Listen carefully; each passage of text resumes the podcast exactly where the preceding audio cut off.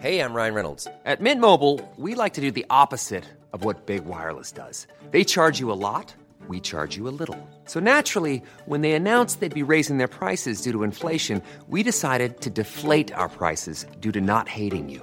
That's right. We're cutting the price of Mint Unlimited from $30 a month to just $15 a month. Give it a try at mintmobile.com slash switch. $45 upfront for three months plus taxes and fees. Promo rate for new customers for limited time. Unlimited more than 40 gigabytes per month. Slows. Full terms at mintmobile.com. Many of us have those stubborn pounds that seem impossible to lose, no matter how good we eat or how hard we work out. My solution is PlushCare. PlushCare is a leading telehealth provider with doctors who are there for you day and night to partner with you in your weight loss journey. They can prescribe FDA-approved weight loss medications like Wagovi and Zepbound for those who qualify. Plus, they accept most insurance plans. To get started, visit plushcare.com slash weight loss. That's plushcare.com slash weight loss. Podplay. Jag tycker det var jobbigt. Jag tycker det var jobbigt. Det var jobbigare än vad jag trodde. Det... Vad trodde du? Det är så typiskt dig också. När du så här frågade mig om jag skulle vara med på det. Jag bara sa ju nej rakt av. Du bara, men, men tre mil, det kör man fort. Man bara så här, Vasaloppet är ju en gång per år utav en anledning. Det är ju inte så att så här, det är ett gäng människor som kör tre mil skidor om dagen som bara tycker att det här är liksom en liten mellanmjölksträcka. Nej, jag fattar, men jag tänkte ändå att tre mil inte var så mycket. Men sen var jag och Frida iväg i helgen och då åkte jag 8 kilometer på fredagskvällen och sen så 1,2 eller 1,6 kilometer och då var ju jag ett vrak. Ja. Och nu ska jag åka typ dubbelt så långt. Mm. Lycka till. Det är ju Ah. alltså väldigt, väldigt högpresterande människor som åker Vasaloppet. Även de som bara är vardagsmotionärer har ju en ganska hög liksom... eh, Jo, Ja. jag har fattat det nu. Jag har fattat det, det är nu inte, och det det är stör inte två mig. glas rödvin och cigg liksom på fredag. Nej. Jag bara, nej jag förstod det också. Det är lite som varje månad när mensen kommer. Man bara, va? Och ska jag åka Lite- Vasaloppet i månaden, månaden med? Ja, men, det är lite samma inställning till jag, hur jag trodde att det skulle vara att åka tre mil på skidor.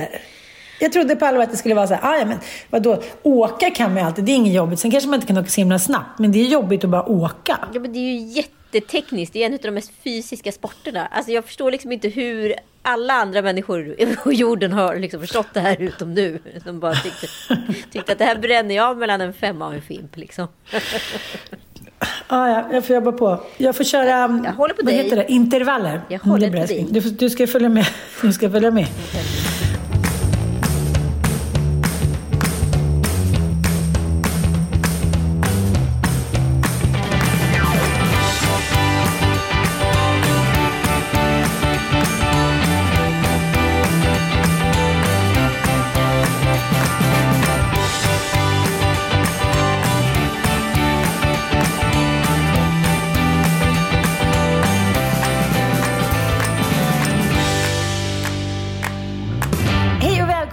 Till Lillelördag. Eh, dagen mitt i veckan då allt och ingenting kan hända. Vad kan man göra nu Anita, när ingenting får hända? Vad kan man då göra på, på Lillelördag? Ja, då kan man logga in på bbc.uk.org, höll jag på att säga. Och läsa om Lille Lördag. Vad det betyder för oss Aha. svenskar. Av en händelse så är du och jag med Ja, i precis. den intervjun. Så chockerande. Så chockerande. Så chockerande. Vilka fina bilder du hade hittat och skickat över. Absolut, jag tog de bästa. Det, gjorde du, det gör du alltid. Jag såg att vi, hade, en- att vi brukade ha nära kontakt med statsministern. Vad roligt om vi hade, så här, vi hade varit hans typ, ja men, eh, vi hade varit här som satt och skrev hans tal och Hans talskrivare varit roligt om vi hade varit. Då hade han... Det var roligt. Ja, det var roligt. Gud vad roligt vi hade haft i Sverige då. Under coviden. Så roligt, så roliga tal det hade varit. Men, Ann, du, du, har ju kan- massa grejer ja. på ditt lilla hjärta. Och jag med. Så let's do Ja. this. Jag är fan lite besviken att eh, Susanne Reuter har sålt sig till ICA. Det, liksom, hon är för bra för att stå där och härja. Fast jag vet inte. Hon kanske bara säger jag är 70 plus, jag vill ha en härlig ålderdom. Fattar du vad så de bara- cashar in? Du vet. Nej, men de måste casha in så hårt så att nej, jag vågar inte ens tänka på det. Alltså hon skrattar ju hela vägen typ till guldgruvan. Ja, men hon, har ju, här, hon har ju sagt ja till liksom sin, eh, att ha ett gött liv resten av sitt liv. Ja. Så jag, jag köper, jag, jag, jag bara säger nej, nej, men absolut. Plus att som det är nu att vara skådespelare, att stå på en scen, det är ju typ det sämsta man kan göra just nu. Ja, just Alltså, det. är ju- Just det. ja, så det är därför de har tackat ja såklart. Ja men det är väl klart. Jag menar så här, tänk dig bara Mm. Lyckoviken. Alltså det var ju den enda serie som spelades in under covid när alla andra inspelningar stängdes ner. De fick ju en sån jävla Mm. Geni, drömcast på grund utav det. Så att eh, som de Bra, förmodligen hade Camilla. fått, som de ja, förmodligen hade fått sla, slagits för och betalat väldigt mycket mer pengar för i ett, under ett normalt år. Så att säga. Men du, eh, jag måste bara eh, ta upp en intressant grej som jag har fastnat lite. Och det är, eh, du vet, eh, Hilaria Ba- Baldwin. Ja, hur spännande? Nej men hur spännande, men galna kvinna från Boston typ. Okej, vi drar Ja. historien då. Eh, ja, och den här eh, snygga Hilaria, spanjorskan, som, jag, som jag nu gör inom citationstecken när jag säger spanjorskan. Eh, hon är ju sedan ganska lång tid tillbaka gift med, ja men i alla fall före detta ärkearslet, Alec Baldwin. Ja. Eh, nej men eh, hon, eh, syn, ja, men hon är ju en influencer med typ 900 000 följare. Mm, och eh, ja, men hon, eh, han brukar ju säga tv-shower, Alec, och skämta om hennes, så här, hennes spanska så här, brytning. Gar- Eh, och hon håller på då, eh, ja, men, om man tar det där klippet från 2015, då visar hon är ju träningsentreprenör också. Mm. Då visar hon hur man lagar då gazpacho som då är en spansk soppa. Och, eh, och då berättar hon så här att hon, hon liksom understår sig inte och, och eh, beställa gazpacho i, i USA för att de kan liksom aldrig riktigt få till den. Ah, och sen så, det roliga är också, vi kan ta och lyssna lite. We have Ilaria Baldwin with us, so tell us, how are we going to prepare this? It's very healthy. It's very easy. All you need to make sure is that you have really good tomatoes. We have very few ingredients. We have tomatoes. We have um, eh, how do you say it? in- Cucumber. Cucumbers. How do you say it? in- Cucumber. Cucumbers. Cucumber. Cucumber. Ja, men när hon säger det där, hur, ska, hur säger man på engelska säger hon då? Hon har ju glömt bort vad det engelska ordet är för cucumber. Ja, precis. Ja, det är svårt. Det är lurigt. Det är lurigt. Ja, men hela henne, hon har blivit känd genom att lägga upp de här träningsvideorna och sen har väl de typ så här, men fyra barn tillsammans. De har ju kämpat på. Ja, och han är ju den här klassiska Saturday Night Live-stjärnan. Men sen så i vintras hände någonting eh, liksom lite intressant då. Jag tycker mest att det är konstigt att det inte kommit ut tidigare. Jag är ändå Ja, vad fan, har inte hon hållit på i typ så här sju, åtta år? Jo, jo. Alltså så länge de har varit ihop. De har varit ihop i ungefär tio år. Nio, nio år tror jag. var. Då har ju hon ju eh, levt sitt liv med spansk brytning. Men han måste ju veta om det här, att det här bara är en scam. Ja, men alltså jag bara funderar på hur många människor det här... Ah, Okej, vi måste ju komma till pudens kärna för vi kan ju inte bara sitta och prata Precis. runt. Cucumber. Cucumbers. Ja, men det här började ändå, det har ju ändå liksom pyst och, och eh, rö, rö, rykt lite i sociala medier och folk har liksom ja, men frågat sig, är hon verkligen från Spanien med den där brytningen? Och när de gifte sig då så, så sa de ju då ja till varandra, de här äktenskapslöftena, eh, på både spanska eh, och, och amerikanska. Otroligt. Och så var det så här, det var också spansk. Men det kan man väl ha, vadå? Du, du skulle väl kunna ha så här, inte vet jag, jag skulle kunna ha mexikansk fest när jag gifte mig. Men, men här var det ju liksom uttalat att det skulle vara då från den spanska kulturen för att hon är då spanjorska. Och eh, men det, förra året så berättade hon i en intervju att hon hade kommit då till USA för att hon skulle gå i skolan. Men hon, inom citationstecken, åkte aldrig tillbaka till Mallorca där hennes föräldrar och syskon bor då. Men sen har det visat sig att hon är för fan uppväxt i Boston. Ja, men som jag förstod det, jag, jag läste någon artikel, då hade hon ju, hon och hennes föräldrar flyttat till Boston, och hon var, eller från Boston till Mallorca när hon var liten. Så hon hade ju gått... Nej, när hon var, nej, när hon var 28.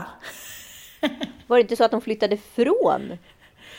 Nej, de flyttade då. Hon, hon he- heter ju då på pappret, om, om man söker hennes namn på Skattemyndigheten så heter hon ju Hillary Hayward Thomas. Ja, och hennes föräldrar är ju då helamerikanska och det finns ju massa klipp på henne på Fast det, nätet här, där det, här, pratar det här faller ju ändå på sin egen rimlighet. Att, så här då, att han då ska ha gift sig med en kvinna som han aldrig har träffat hennes föräldrar, aldrig träffat hennes Mm. syskon. De har varit ihop i snart tio år. Eh, hur skulle inte det här ha kommit... Hon har, måste ju ha hur mycket klasskompisar och grejer som helst från USA som bara så här... Nej, alltså, så jag tror, jag läste i alla fall en artikel där det stod att hon hade flyttat till Mallorca när hon var liten och sen flyttat tillbaka i vuxen ålder. Ja, för 28 år, då känner man sig det är lite sent. Om, om du och jag skulle flytta typ till USA eller Turkiet eller något, så tror inte jag att vi efter några år skulle komma hem med brytning. Nej, precis. Nej, men det, det, det blir mer rimligt att kunna så här, befästa och leva med den här lögnen om man flyttade ut från USA som liten. För då kanske inte så många som minns sen liksom. Eh, och sen som man bott på Mallorca uppenbarligen har folk upplevt att man eh, har bott i Spanien. Men kanske säger är hon verkligen spanjorska? Jag trodde hon var från USA. Ah, ja, whatever. Kanske mer än varit en sån grej. Men att hon skulle flyttat ut när hon var 28 och sen så liksom bara liksom kunna tagit sig förbi en jävla massa människor som bara så här, men hallå du är inte spanjorska, hallå du är inte amerikanska och så vidare. Det, det tror jag inte på. Nej, det tror inte jag heller. Men eh, sen så, ja, hon försvarade sen då att hon... Nej, hon sa att jag har aldrig sagt att jag är spanjorska. Men hon sa att vit är inte en ras, det är ett sinnestillstånd. Mm. Hon bara, jaha. Eh, mm, så att hon tyckte så här, nej men hon har aldrig sagt att hon är spanjorska. Nej, men tänk om det är så att hon kanske aldrig har det. Å andra sidan så tänker jag att det finns så många galna kvinnor eh, där ute som lätt liksom, adapterar idén om ett annat liv. Det var ju någon influencer som nu eh, arresterades för något år sedan som eh, då hade utgett sig för att vara då eh, en prinsessa från England. Och hade, har liksom fått jättemycket följare och jobbat som influencer. Under tiden som någon bara säger hallå du är en scam liksom. Tro, varför mm. tror man inte att man kommer bli påkommen? Jag menar det är jättemånga tjejer som har köpt kläder från typ Alibaba och så sytt på dyra varumärkesnamn och sålt dem för jättemycket pengar. Varför tror man inte att man kommer bli påkommen? Varför vill man leva med risken? Jag ska väl inte säga att det exakt varit så, men med Isabella Lövengrip som ändå har liksom tagit chimären av en miljardärska när man har liksom någon miljon på banken. Alltså, nej, för mig är det liksom... Är det kvinnligt? Nej, det jo, jag fattar. Är det kvinnlig men, galenskap men, signifikant? Jo, men blond, för Blondinbella så funkar det liksom, Hon gjorde det smart och sen blev hon ju tillsammans med en miljardär och då blev det ännu mer trovärdigt på något sätt. Ja.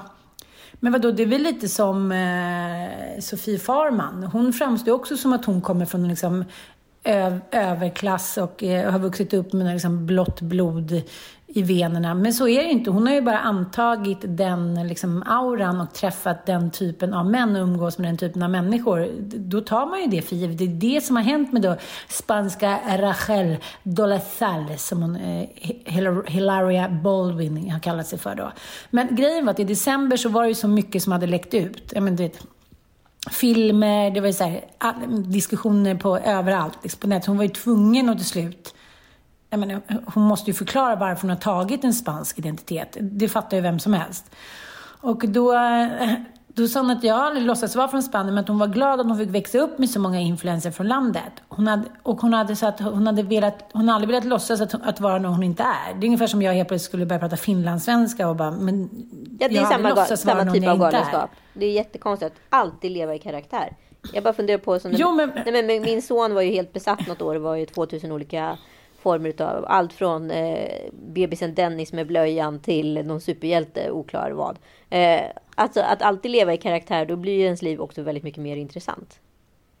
Ja, men det är ju helt underbart ju. Ja. Man kan också ta liksom, de, de, bästa delarna av den andra kulturen, eh, som ofta handlar om att man har levt liksom, under svåra förhållanden i en minoritet och sen kan man bara ta liksom de härliga delarna och liksom göra cash på det som hon har gjort. Och hon har ju sagt att hon har jobbat med sin dialekt hela sitt liv för att få bort den spanska dialekten. Men sen visar det sig att hon har ju jobbat hela sitt liv för att ens... kämpa för att behålla den spanska dialekten. Eller ja. få den spanska dialekten. Ja, och, och så säger hon då att jag har byggt hela min image på trovärdighet. Och att så här, hon är så trött på att människor vill sätta en etikett på henne. Är hon spansk eller amerikan? Kan hon inte vara båda bara? Det är så här, otroligt skön efterkonstruktion. Men ett fall som blev jävligt känt 2015, det var ju den här, afro, den här kvinnan då som... Eh, hon var ju känd som förkämpe för afroamerikaners rättigheter. Hon var ju så här, universitetslärare i ämnen som afroamerikansk kultur. Ja. Och hon var väl afroamerikan. Men grejen är att när man tittar på bilder på henne så har hon ju... Ja, men hon har ju krulligt hår. Men sen... Ja, jag tycker nu när jag ser på bilderna att här, det är en sminkad vit kvinna med dåligt liksom... Eh, ja, puder på något sätt. Men hon säger då, alltså, hon blev intervjuad om då sin kamp för afroamerikaners rättigheter och då frågade eh, reportern så här, jag måste bara fråga, är du afroamerikan? Och eh, nej, hon var ju då dotter till två vita föräldrar från Montana. Ja, som då, hon ville ju vara det. Ja, herregud. Det kallas ju för blackfishing. Ja. Det är de här, vad ska man säga, ja men influencers, eller det är inte alltid bara influencers, som då hamnar någonstans. Ja men kan man anklaga dem för att vara liksom, men det är någon sån här kulturell appropriering, förstår du? Ja, ja, De är absolut, liksom, 100%. Är de, ja, är, det liksom, är de svarta eller är de inte, eller har de antagit sig en, en sån kultur? Men hon den här um, kvinnan som jobbade för afroamerikaners, eh, Rachel Dolezals, hon säger då att hennes syskon som adopterade på Haiti, hon kände, mycket mer sig, hon kände sig mycket mer besläktad med dem. Eh, ja, och att hon liksom brann för den här kampen och att det hade varit svårt för henne då att liksom... Men det här skulle kunna hända dig. Ann Söderlund, som ändå kan vara medberoende med en fiktiv karaktär i en bok om en kvinna på 1800-talet. Du skulle kunna kliva in i ett sånt här medberoende och bara säga, jag är haitier. Det är jag. Alltså jag vet att jag är en själslig haitier. Det är inte mer med det. Jo, men jag tänker så här. Nu, nu så utgav ju hon sig för att vara någonting som hon inte är. Och det gjorde ju kvinnor liksom förr i tiden för att de skulle kunna få leva fritt. De tog ju värv, värvning och sen så visade det sig ja, men att de inte hade någon noppedoni när de skulle liksom byta om och göra sig rena Ja, det är efter ju kriget. Mulan, den stora, liksom, den första kvinnan som så här, gjorde lumpen som, som förklädd snubbe. Och det här är, ja, och det är på Det 1100-talet. fattar man ju. Men, men då får man ju fördelar för att man själv eh, liksom har, inte är nöjd med sin tillvaro och- för någon kamp där man inte kan få utnyttja det- man vill. Men alltså grejen är att eh, den här kvinnan då, hon kanske inte hade kunnat... Den här kampen kanske inte hade blivit lika trovärdig om hon var vit. Alltså, de här forskningsstöden som hon tog emot, det var ju faktiskt menade åt människor som hade bakgrunden, som visste hur det kändes. Alltså, Ja, du fattar. Det, jag vet inte. Det, hon kanske, det kanske ändå är bra. Bättre än att göra ingenting, men ja, jag vet inte. Det är ändå intressant liksom. Men det är också det här som, som forskare, det är någon forskare här i någon artikel som säger att så här, det är också det att skillnaden är att man har valet att göra det, förstår du? Om du och jag vill, om du vill lajva indiska, då kan ju du göra det. Men sen kan ju Absolut. du lämna den personen och vara Anita Clemens igen. Och du behöver inte utsättas för liksom någon fattigdom eller poverty eller någonting annat som, som kvinnor i Indien blir utsatta för. Nej, nej, nej, precis. Utan jag, jag bara lånar bara lite tillbaka. när jag känner på feeling och så bara, hej då, nu är det bra. Så att, eh, det, det är intressant det här med blackfishing. Väldigt bra namn också. Ja, väldigt bra namn. Och eh, apropå, Ah. om vi ska stanna kvar lite i USA så har jag lite, börjat fundera lite på det här med föräldraledigheten i USA versus corona. För Mm. att det som är är ju att det finns ju egentligen ingen riktigt uttalad föräldraledighet. Det är bara 19 procent utav USAs befolkning som har betald föräldrapenning. Och det är i Men oerhört... får man inte så sex veckor precis när bebisen har Nej, kommit? två och sen måste veckor är det tillbaka? liksom lag- Två veckor Ja, och de- Herregud. I övrigt så kan alltså företagen gå in och liksom hjälpa till med någon form av föräldrapenning under sex veckor. Så hela liksom USAs vad ska man säga, arbetssystem det är ju baserat på att det är en person som jobbar i hushållet. Alltså de- deras lönebild är ju Ja. dessutom extremt hög. Eh, Så DINK, double income, eh, no kids, det existerar ju bara fram till eh, man får barn i princip. Sen är det ju liksom gjort så att kvinnan behöver vara hemma för- att det är väldigt dyrt med både förskola och eh, liksom, skolor och så vidare. Liksom. Så, ja, Ja, det är ju billigare att stanna hemma och ta hand om barnet själv. Exakt, och det här är ju inte superfördelaktigt för eh, någon form av feministisk frigörelse etc. Eller någon form av komma bort ifrån patriarkala strukturer. Utan det här är ju typiskt patriarkal struktur. Alltså själva Ja, som sambeskattningen i Sverige. Ja, hela spelplanen är ju Ja. redan uppmallad och gjord efter män. Och sen kan vi ju liksom låtsas däremellan att så här, vi, vi kan vara eh, vi kan ha fördelar som kvinnor och så vidare. Men i grunden så spelar vi bara ett spel i spelet. För det är redan någon som rattar trådarna om man säger så. Då. Och 40 procent av USAs befolkning har bara liksom en närvarande förälder eller separerade föräldrar. Så att så här, det här har ju varit extremt problematiskt och som det är under alla tuffa situationer så är det lite så här, det är inte family holds back, det är kvinnorna får holds back. För när, när det är Ja. hemundervisning och eh, folk ska till jobbet, folk sitter och har viktiga telefonkonferenser. Ja, vem är det som får ge upp sitt jobb fortast? Jo, det är såklart kvinnorna. Samtidigt så har jag hittat en hel del info om att man börjar hitta eh, allt mer möjliggöranden för att kunna ha en föräldraledighet när man sett att videomöten, videokonferenser och så vidare faktiskt funkar. Så det här har både Ja. liksom försämrat situationen men också eh, börjar öppna upp för att kunna göra det bättre. Det här är ändå så jävla sjukt för man blir så, jag tror aldrig liksom någon situation som just den situationen vi är i nu eller när saker och ting, eller framför allt så tycker jag att det är så otroligt, blir så otroligt blottat i en form av föräldraledighet hur den patriarkala strukturen ser ut. Exempelvis så är ju liksom hela hela eh, föräldrapenning baserad på att kvinnor då tjänar mindre så det är mer fördelaktigt för att kvinnor var hemma istället för att man kan behöva användning för mannens inkomst. Det är kvinnor då som också är hemma de här åren och ju längre tid de är hemma desto mindre pension får man då utbetalat för att det är klart att det Ja, ska, ja. man ska tjäna på det här i slutet av livet. Eh, så att kvinnor får ju i regel då 63 procent utav utav sin arbetsinkomst och män får då 80 procent för att de inte har varit hemma lika länge. Och här blir det så otroligt tydligt och det är såklart ännu, ännu tydligare i USA. Så att oavsett vad man gör så är det så här, vi kommer ingenstans, vi kommer, vi kommer någonstans, alltså vi förflyttar ju fram positionerna hela tiden men vi pratar ju fortfarande hundra år eller flera generationer bort innan det faktiskt är en jämställdhet. Men det är så jävla viktigt tror jag att man så här adresserar och förstår det här. Och istället för att bara så säga så här. Ja men jag, min, min man eller jag, mina tjejkompisar eller jag, what the fuck ever. Ja, liksom ja, ja, är, har det lika. Utan så här, det här är ett mycket större spel än vad vi faktiskt liksom tar tillvara på. Liksom. Men, men då kommer ju någon ny forskning nu om, om kvinnors och mäns lönegap. Och tyvärr, ingenting hade hänt de senaste tio åren. Det är fortfarande att vi kvinnor får så här 77 procent av männens lön under ett helt liv. Och jag, jag fattar inte att inte det här liksom bara kvoteras in löner. Lagstadga skiten bara så här. Ja, Om du går in och, och, och blir anställd på samma premisser som en man, då ska du fan ha samma lön. Jag fattar inte. Nej, Det är sånt jävla gubbvälde. Och det är också samma sak när man hör när kompisar ska skilja sig och liknande. Så bara, jaha, han hade ett pensionsspar till sig själv och han äger företaget. Själv har jag köpt liksom blommor, kläder och mys till hemmet. Fan, det måste liksom bli en samhällsdebatt om det här. Ja, men- Och vet du en sak? Kvinnorna i typ Ungsele, de lever ju i snitt 6-7 år kortare än kvinna på Lidingö. Men det här är liksom klassamhället som bara ingen verkar vilja ta i, liksom, i tång med det här, inte ens sossarna. Det är, så här, det är så det har blivit. Du vet, alla tänker på sig själv första. Jag tror också det handlar jättemycket om så här, hur, alltså hur blinda vi kvinnor har blivit för den här situationen. Eh, och för det handlar ju liksom fattar. om mycket större struktur. Alltså det är ju det här som är eh, liksom, det, liksom den patriarkala strukturen. För att liksom vara, men den är så abstrakt så att folk kan knappt beskriva den själva. Exempelvis var jag inne i en köksbutik häromdagen. Och då utav någon anledning, alltså jag är en liten kvinna eh, och liksom, det finns en annan kvinna i den här butiken som är en utav expediterna och hon är ganska kort, det är jag med. K- eh, Köket per sig är liksom en kvinnlig domän.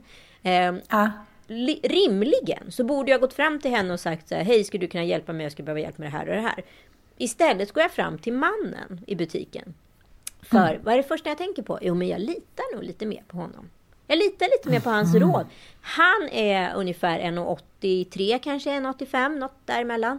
Och liksom eh, han ska då guida mig och orientera mig genom den, mitt, min problematik. Så förmodligen hade det varit mycket enklare om jag hade pratat med kvinnan direkt. Men när jag går ut i butiken så slår det mig så här, varför gick jag fram till mannen? Och då tänker jag det första jag gör så här, men, ja, men jag skulle aldrig kunna få ett, eh, eh, jag skulle inte kunna göra köpslå eller få ett liksom så bra pris och han vet vad han snackar om. Jag omskriver det här för mig själv för att förstå varför, eller fattar, jag fattar, jag legitimera fattar. varför jag går till mannen. Och det handlar så här, om jag börjar verkligen skala löken är det så här, okej, då kan vi gå på det liksom, ja men okej, jag det är tilltron. Jag tror att en man kan det här mycket bättre än en kvinna. Det vill säga, jag tror att jag kan det här lite sämre än en man, om jag vänder på begreppet. Jag fattar, jag fattar. Ja, nummer två är så här, det sexuella. Med honom kanske jag skulle kunna fixa ett lite bättre pris. Det skulle jag aldrig kunna göra med henne. För att hon skulle inte köpa liksom, min charm på samma sätt. Mm, jag fattar. Och det gör också att jag objektifierar mig. Alltså jag liksom sänker mig hela tiden. Och så här, de här strukturerna, mm. om du sitter som chef och värderar två medarbetare eh, och den ena är en kvinna och den andra en man. Då tänker du förmodligen likadant omedvetet. Mm. Så att varför kvinnor fortfarande har lägre betalt idag, det är för att du tänker att killar kan lite mer, lite bättre. Och du kan inte riktigt förklara varför.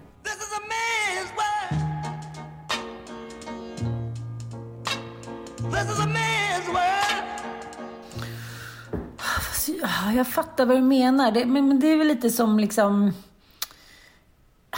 Men lite allmänt i Sverige. Eh, vi har pratat om det Sverige innan. Sverige i världen? Jo men, jag, jo, men jag tänker också med det här med rasism. Alltså vi, om man nu ska liksom rita upp vår... Det handlar ju om okunskap. Att, att vi inte har några egna såna här problem. Att sånt här händer ju bara i andra länder. Att det är liksom männen som har tagit över och att vi här är jävligt medvetna. Men det här gäller ju kvinnomisshandel och allting. Vi har ju för fan i vårt DNA. Det är, så här, det är den struktur vi ser framför oss som vi har blivit itutade med modersmjölken. Det bara går inte att sopa av på liksom ja men du vet, en liten handvändning. Så jag tror att det, för jag känner mig inte riktigt igen med det, men jag har ju också vuxit upp i en släkt där liksom kvinnorna har dominerat och papporna har ansetts vara så här bökiga liksom, eh, jättebebisar. Så att jag, jag, jag, nej, jag, jag håller nog inte riktigt med. Sen, sen är det säkert så att, jag, att det här händer helt eh, på grund av okunskap, att jag inte ens tänker på det. Förstår du vad jag menar? Men jag, ja, nej, men alltså, det här är ju ingenting ah, du går och reflekterar över, utan det här händer nej, ju liksom fattar, i alla liksom vardagssituationer, mm. situationer mm. som egentligen... Det är därför jag menar så att fortfarande att lönegapet är exakt lika enormt som för tio år sedan.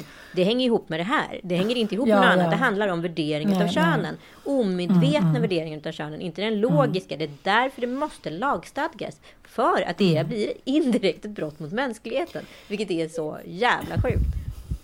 Men sen är det också så här, om, om man nu, vi ser ju, på det sättet du pratar nu, så ser vi på de här männen som karakarar. Men det har ju gått liksom snabbt utför och nerför i hur män, eh, ja, de vill inte stå för någonting. Liksom inte för försörjning, inte jämlikhet. Det, det handlar, alltså, förstå lite vad jag menar. Förr kunde man i alla fall tänka så här, okej, okay, mamman är hemma eller kvinnan är hemma nej, och mannen gör nej, det. vi visste ju inte bättre. För att det var ju så samhället nej. har funtat. Alltså, människan, kvinnan och mannen var ju jämställd innan kristendomen kom in. För då bestämde mannen att kvinnan var dålig. Och sen så har männen mm. då kunnat haft mm. Alltså vi fick ju inte ens plugga på 1800-talet. För vi ansågs i, i liksom rang med boskapen. Vilka är det som har högst högskolepoäng och universitetspoäng idag? Jo, det är kvinnor. Kvinnor har alltid mm. varit smartare än männen. Men vi har fortfarande inte fått vi har inte kunnat liksom, applicera det, för dels har vi inte haft den fysiska styrkan, vi har inte haft rösten, vi har inte haft modet och så vidare. Sverige är världens mest progressiva land enligt World Value Map och vi kommer mm. ju komma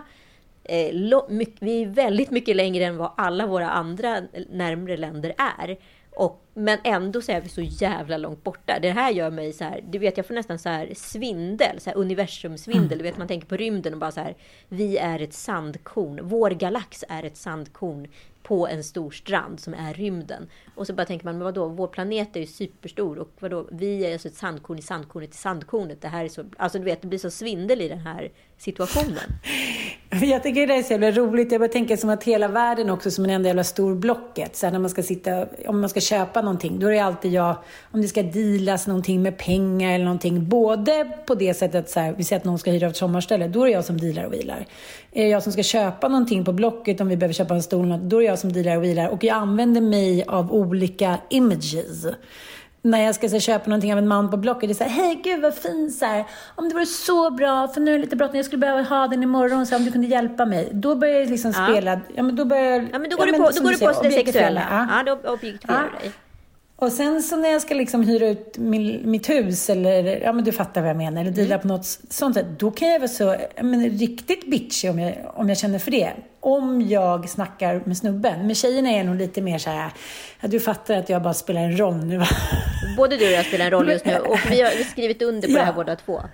Ja. Precis så, men också så här, för det finns ju, och det är klart att synliggörandet av kvinnligheten och kvinnligt ledarskap, kvinnliga liksom, entreprenörer, kvinnlig verksamhet, kvinnligt drivande och så vidare är ju fantastiskt. Men varje gång man sätter prefixet kvinna framför en kvinnlig VD. Men säger ju inte så här eh, Jakob Wallenberg, en manlig liksom börsnoterad nej, nej, nej, nej, nej, styrelseledamot. Utan man, men varje gång det är så här, det var en kvinnlig regissör. Alltså, då, alltså halva, mm, mm. halva liksom uh, könssamhället är, har ett prefix för, för sig och den andra är bara människa. Men ändå tycker jag att man tänker mycket på, jag läste i DN igår vilka som blev nominerade till deras årets kulturpris. Och då var det bland annat Josefin Bornebusch och sen så var det, ja, jag tror att det var tre kvinnor och två män eller något sånt där. Och så direkt tänkte jag så här, nu lär det ju vara så många mer män som har vunnit det här priset. Men så blev jag så glatt överraskad för det var typ så här 70% kvinnor som hade vunnit det sedan det startade då 2008. Det är jättebra ju. Ja, men det speglar, ju, tänkte... det speglar ju också det reella samhället i mångt och mycket. Att så här, kvinnor är drivna och mjuka värden. mjuka värden. Men, men mm. samtidigt så blir jag så jävla ledsen när jag fortfarande går förbi liksom Ja, men du vet en sån här tidningshylla som är precis bredvid liksom, eh, kassan vid, vid ICA. Och då är det alltså mm. tio olika, så allt från så här, kryss till på TV, söndagsbilagor etc. Liksom. Det är alltid ljushyade människor på omslagen. För att så här, det är ju mm. bevisat via Orvest att mörkhyade människor inte säljer tidningar lika bra som ljusa. Så tänker man ändå så här, ja men kolla, okej. Okay, den procentuella fördelningen i Sverige på integration, okej, okay, men det är ungefär 20 procent som är brunhyade i Sverige. Då borde ju åtminstone två av tio omslag vara brunhyat, men icke.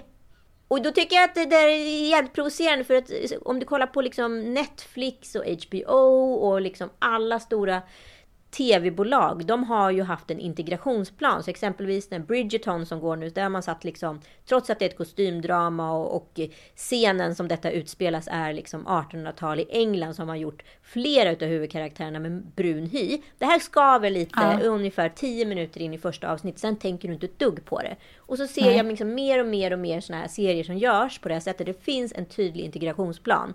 Då tänker jag så här, varför gör man inte det här i ICA-reklamen eller på tidningshyllorna på samma sätt? Varför?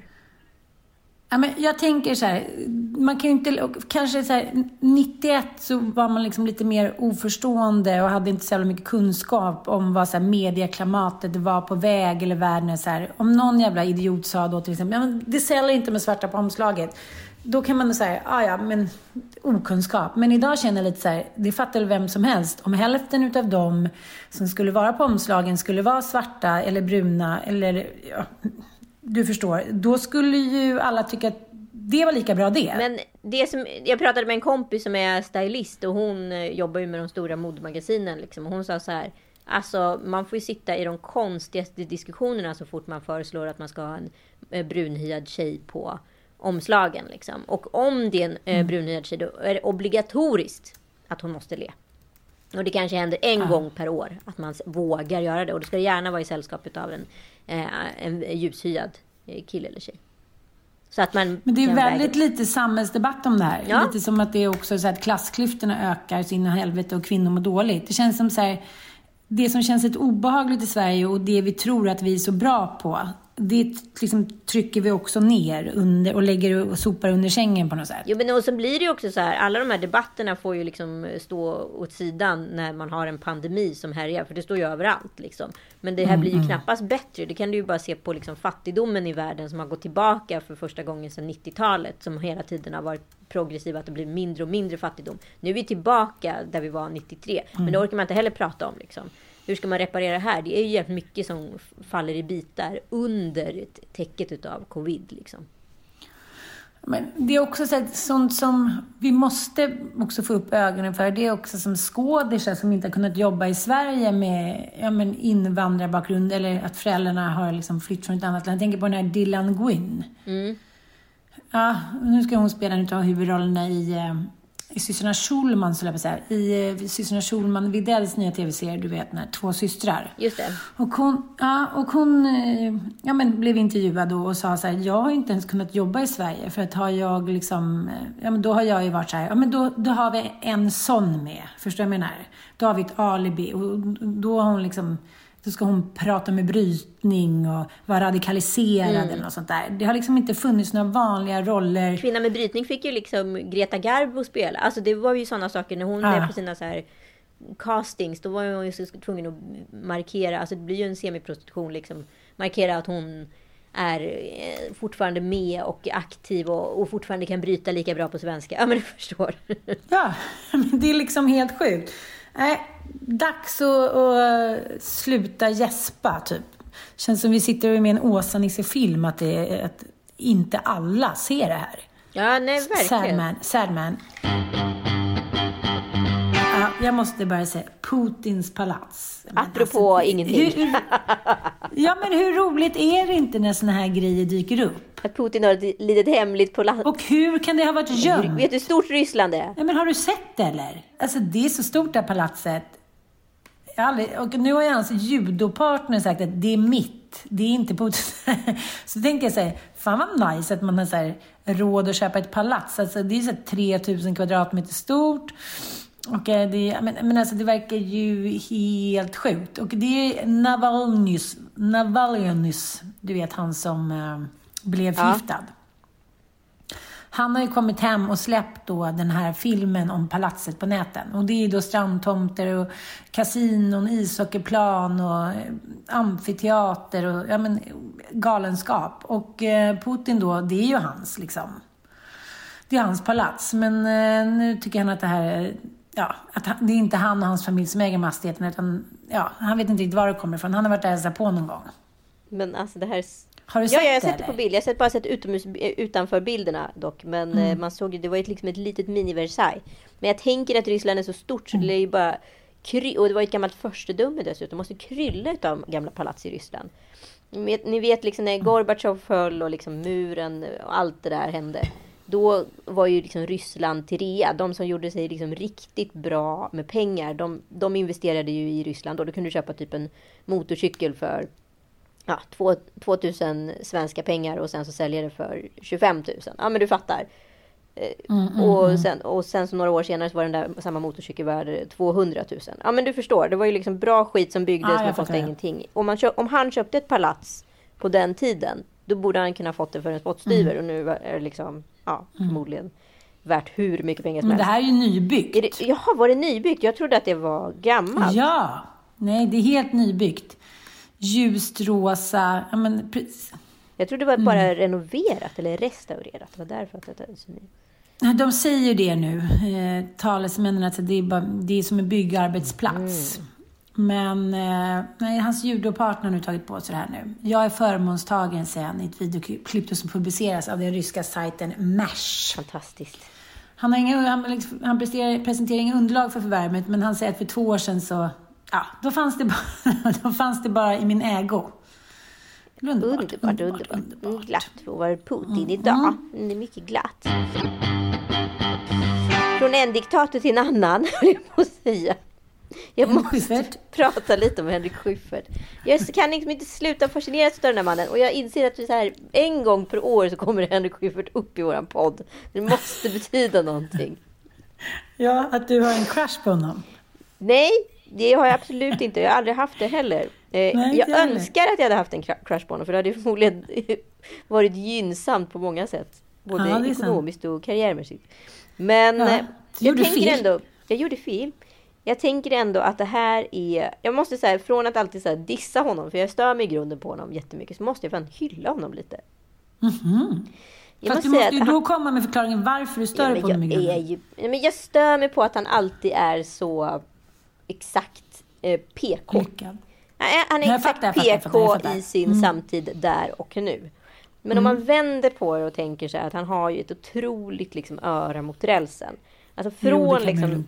Ja men från liksom Killinggänget behöver vi inte ens nämna till liksom stand-up, till film, till podd och till att vara modern farsa. Han har alltid funnits med på arenan sen jag var liksom 12 år gammal och alltid liksom lyckats. Vad han än tar i blir till guld. Han var ju så här, Han var ju också programchef på ZTV och liksom gjorde liksom ZTV till att bli Sveriges MTV, vilket då när vi växte upp var typ det coolaste man kunde vara. Han har alltid varit, allt han har skapat har blivit det coolaste någonsin.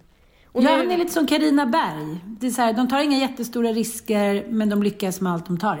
Ja men hon tar ju ännu mindre risker än. Ja men fast han tar ju ändå risker. Han är ju ändå Jo, en kreatör och en skapare. Carina Berg får ju liksom ett format i knät. Och så hamnar hon i rätt sammanhang.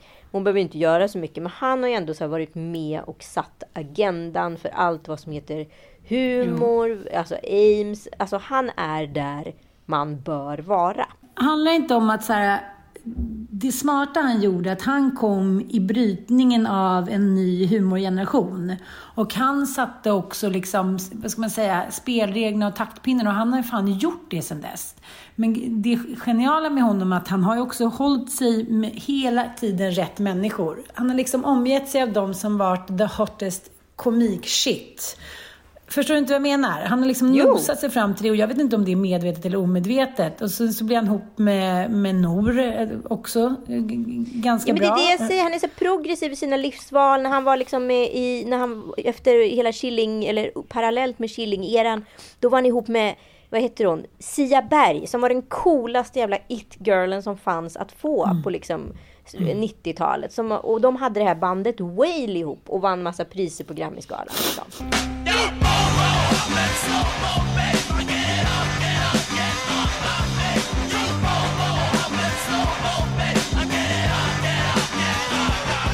Han är ju så jävla rätt igen, rakt mm. igenom. Sen är han ihop med Bea Usma som är en av de coolaste forskarna som finns och eh, mm. som sen blev eh, också läkare och professor och allt vad det är och har döpt sina barn till Janne. Bara en sån grej. Så jävla mm. progressivt. Och vem han mm. ihop med nu? Jo, 10-talet och 20-talets it-babe, Nor El Rafai. Mm. Alltså han är liksom 100% rätt i allt han gör. Men vadå, du kan inte hitta ett enda litet misstag eller? Jo, men han har gjort tusen misstag. Alltså, jag, jag ska, vi ska lyssna lite här. Eh, och jag funderade verkligen på, för jag har verkligen kollat på lite klipp och grejer med Henrik. Eh, och jag kollar på det här klippet med Skavlan där han är med. Ta gott emot. Här är Henrik Schiffert. Hej. Hej igen. Hej. Tack så mycket. Ja. Välkommen. Du, Henrik, du, du uh är ute och turnerar med ett pjäs som heter Art. Ja. Och det handlar ju om manlig vänskap. Ja, det gör det nog lite. Alltså, den är skriven av en fransk tjej som heter Jasmina Reza och det är väl hennes bild av hur män är tillsammans, tror jag. Ja, och, det, och här måste man ju säga att ge sig lov. Då, ja, men man kan inte säga det nog. Alltså, det finns ingenting som heter manlig eller kvinnlig vänskap. Det finns inte. Det handlar om personer och det handlar om grupper. Håller med, men det är roligt att snacka om ändå. Absolut. Man kan generalisera och så kan man bara stänga av Twitter. Exakt, det är det man får göra. Ja, men alltså, vi har ju pratat jättemycket om det när vi höll på att repetera den här pjäsen. Och så. Och det, ja, det finns ju vissa grejer som jag tycker är, åtminstone hos mig, som är liksom typiska. Mer manstypiska. Vad skulle det vara? Ja, men jag tänker att män har lite svårt att bara träffas. Alltså, de måste ha en ursäkt, de måste hitta på något projekt, de måste dra upp någon båt, det måste vara någon paintballresa till Vilnius i fyra alltså, de, de behöver en ursäkt. Och ju mer avancerad den här aktiviteten är, desto närmare sina egna känslor kommer de jag, jag var och köpte ett par byxor på en, på en affär och så gick jag in i provrummet. Och när jag kom ut ur provrummet då stod min tjej och tröstade, det här är helt sant, en gråtande expedit. Hon stod liksom, ja men kom, din mamma söker bara, liksom, hon känner sig rädd och förbisedd och ring henne. Jag var borta i 20 sekunder, vad fan är det som händer? Det, här, det här kan man bli av. Nej, men Det är lite du sa innan, att man märker ju inte att han tar över showen. Nej, han är showrunner. Det är det som är hans genidrag. Mm. Man tror att man är med och skapar det magiska, men det är han som står för det. Exakt. Ser du hur han bara plockar? Alltså, Skavlan har en helt annan agenda här. Han bara mm. plockar över ta liksom, taktpinnen och sen kör han. Han kör indirekt ett stand-up-nummer som är så jävla publikfriande och stockholmskt och älskvärt och imponerande skickligt distanserat liksom, men ändå jättebjussigt allt. Men grejen är att han är ju älskvärd. Det kan man ju aldrig ta ifrån honom. Och jag har aldrig typ hört någon som snackar skit om honom. Som sagt så här, han är ett jävla svin, han är ett arsle, han var lalala, han är psykiskt sjuk, han är det, han är otrogen. Han verkar ju faktiskt vara the good guy with brains. Ja, vilket är också superprovocerande på något sätt. Ja, men när man lyssnar på deras podd också, Nors eh, podd med Henrik, då är det också lite att han har den där inställningen att så här, men om det här är hennes första barn då, och hon vill göra det, precis som man säger här. Varför skulle jag på och tjafsa om det? Varför ska jag vara en snubbe som hela tiden tjafsar om smågrejer? Vilket typ 99% av alla förhållanden går i tu och isär för att snubbar ska tjafsa om smågrejer som gör deras kvinnor lyckliga. Och det där har ju du och jag återkommit till 50 000 gånger. Det är två, tre, fyra grejer som gör oss lyckliga och glada. Men ställ för fan upp på det och bit ihop. Så kanske det blir roligt på vägen. Nej då. Nej, nej, nej, nej. Du har PMS och du är sån, du är så svår att leva med och världens jobbigaste kvinna som är mitt eh, epitet fram och tillbaka. Kanske ligger en sanning Jag tänkte fråga dig om det är roligt att trycka upp en sån tröja. Alltså med stolthet, världens jobbigaste kvinna. Men, men eh, jag måste ändå hålla med honom. Vad mycket lättare allt skulle vara om kvinnan i några, liksom, vi pratade om mancave i förra avsnittet, att det finns några grejer som män, gör männen lyckliga som inte vi lider av. Och, det, och vice versa. Tänk om vi bara kunde ge varandra det. Jag men tror tänk liksom... om vi generellt skulle gnälla mindre. Det hade blivit väldigt ja, bättre. Mycket bra. Det är mitt, eh, det är mitt nyårsmål. Nyårslöfte, gnälla mindre. För fan vad det gnälls alltså. Det gnälls överallt. Det gnälls på middagar och luncher och mellan par. Och det var ganska roligt för jag var på en lunch med en tjej som jag inte känner så väl för några veckor sedan. Och eh, försökte gnälla lite. Och det var som att prata med teflonpanna. Jo, men det får man ju förstå. Men då kanske du kan göra så här. Vad jag än försökte gnälla på så försökte hon, hittade hon bara en lösning. Jag bara, okej, okay, jag ger upp. Jag slutar gnälla. Det var inget roligt att gnälla då. Nej, men det var så roligt. Jag bara, nej. Okej, men det kanske inte var så dumt då. Nej, okej. Mm, nej, men han kanske är bäst i världen då. Att det handlar också väldigt mycket om sig själv. Att man också kommer in i gamla jävla vanespår. Att så här, man träffar sina tjejkompisar som man känner väl. Man pratar ungefär om de här grejerna. Man gnäller ungefär om det här. Lite som så här, ja, kolla vädret. Han är dum i huvudet. Alltså, det liksom, man reflekterar inte ens över att man gnäller. Nej, otroligt. Mm, mycket otroligt. Så nu ska vi sluta med det nya gnällfria året. Sluta med gnället. Får vi se hur bra det går till nästa vecka. Är ni med oss på gnällfria året? Ja!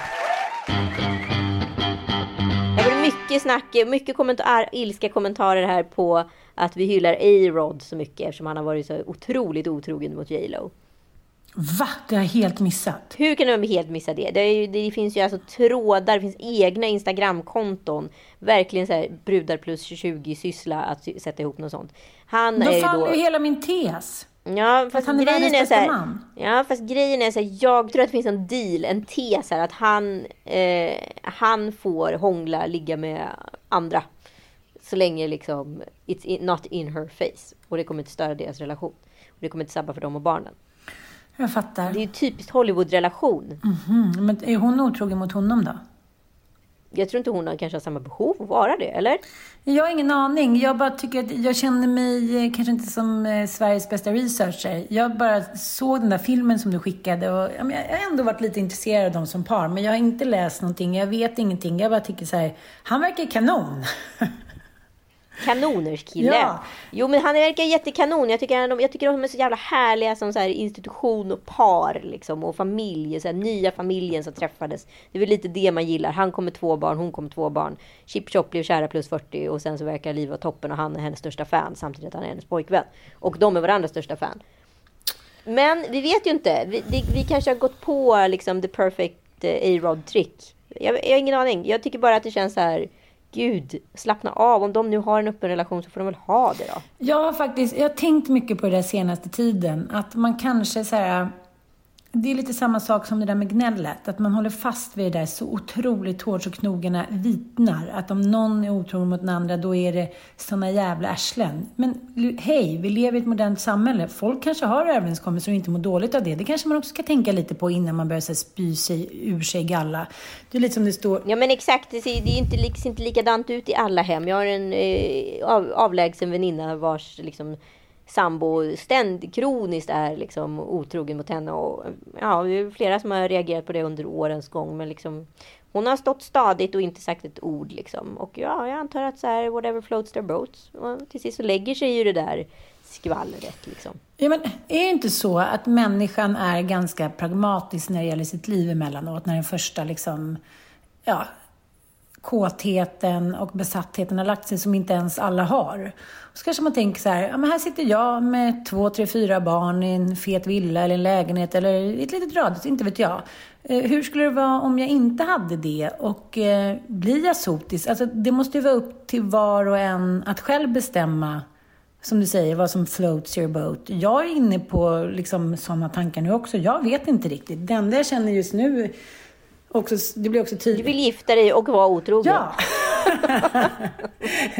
Nej, men jag fattar. Jag, jag bara tänker att man, man hamnar i liksom i allting gamla hjulspår. Att så här, ja, ibland kanske man ska få omvärdera gamla liksom, puritanska riktningar som har varit i tusentals år, som ingen någonsin har ifrågasatts. Men när Gud inte lever Nej, i men det, det, hela, hela bröllopet och hela tvåsamheten är ju fortfarande också en rest från det kristna arvet. Men om vi nu är så supersekulariserade i allt och så ska vi ändå bibehålla liksom äktenskapets eh, helgedom i det hela. Det är ju också så här, det, allt är ju bara någon form av så här... Nej, men det är lite svårt ja, att säga allting ska, moderni- ja, men allting ska moderniseras. Men när man försöker vara lite så här wild and open, då är det så jävla fel.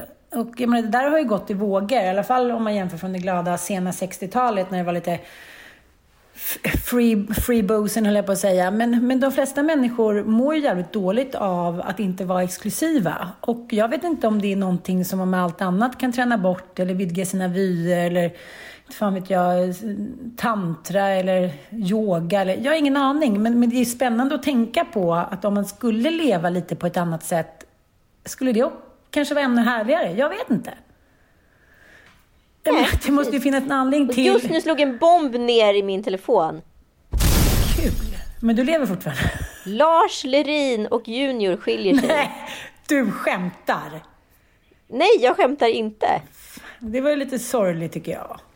Mm, det tror jag inte det nödvändigtvis behöver bli faktiskt. Utan för, för det är ofta så att den gör det ändå för sin egen skull. Och, och... Det var lite sorgligt. Det var liksom lite pricken över i i tvåsamheten. Nu är det över. Nu till och med bögäktenskapen över. Då är det fan med över.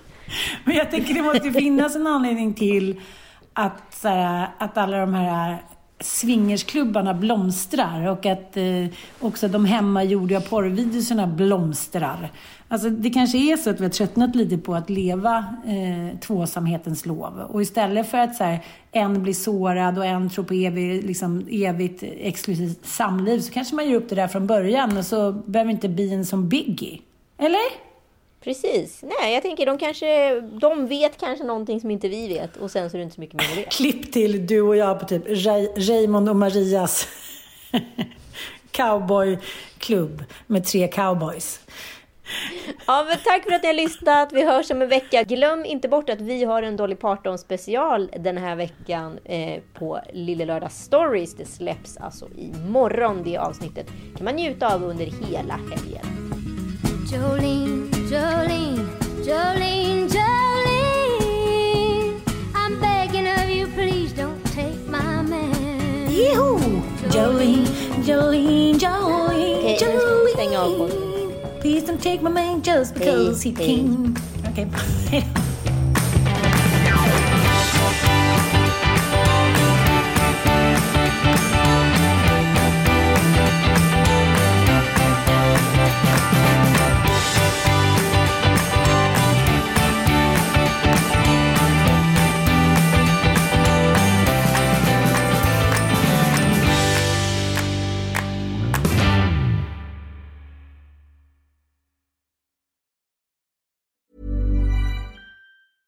Normally, being a little extra might be a bit much, but not when it comes to healthcare. That's why United Healthcare's Health Protector Guard fixed indemnity insurance plans, underwritten by Golden Rule Insurance Company, supplement your primary plan so you manage out of pocket costs. Learn more at uh1.com. Hi, I'm Daniel, founder of Pretty Litter. Did you know cats tend to hide symptoms of sickness and pain? I learned this the hard way after losing my cat, Gingy. So I created Pretty Litter, a health monitoring litter that helps detect early signs of illness by changing colors, saving you money and potentially your cat's life. Pretty Litter is veterinarian developed, and it's the easiest way to keep tabs on your fur baby's health right at home. Go to prettylitter.com and use code ACAST for 20% off your first order and a free cat toy. Terms and conditions apply. See site for details.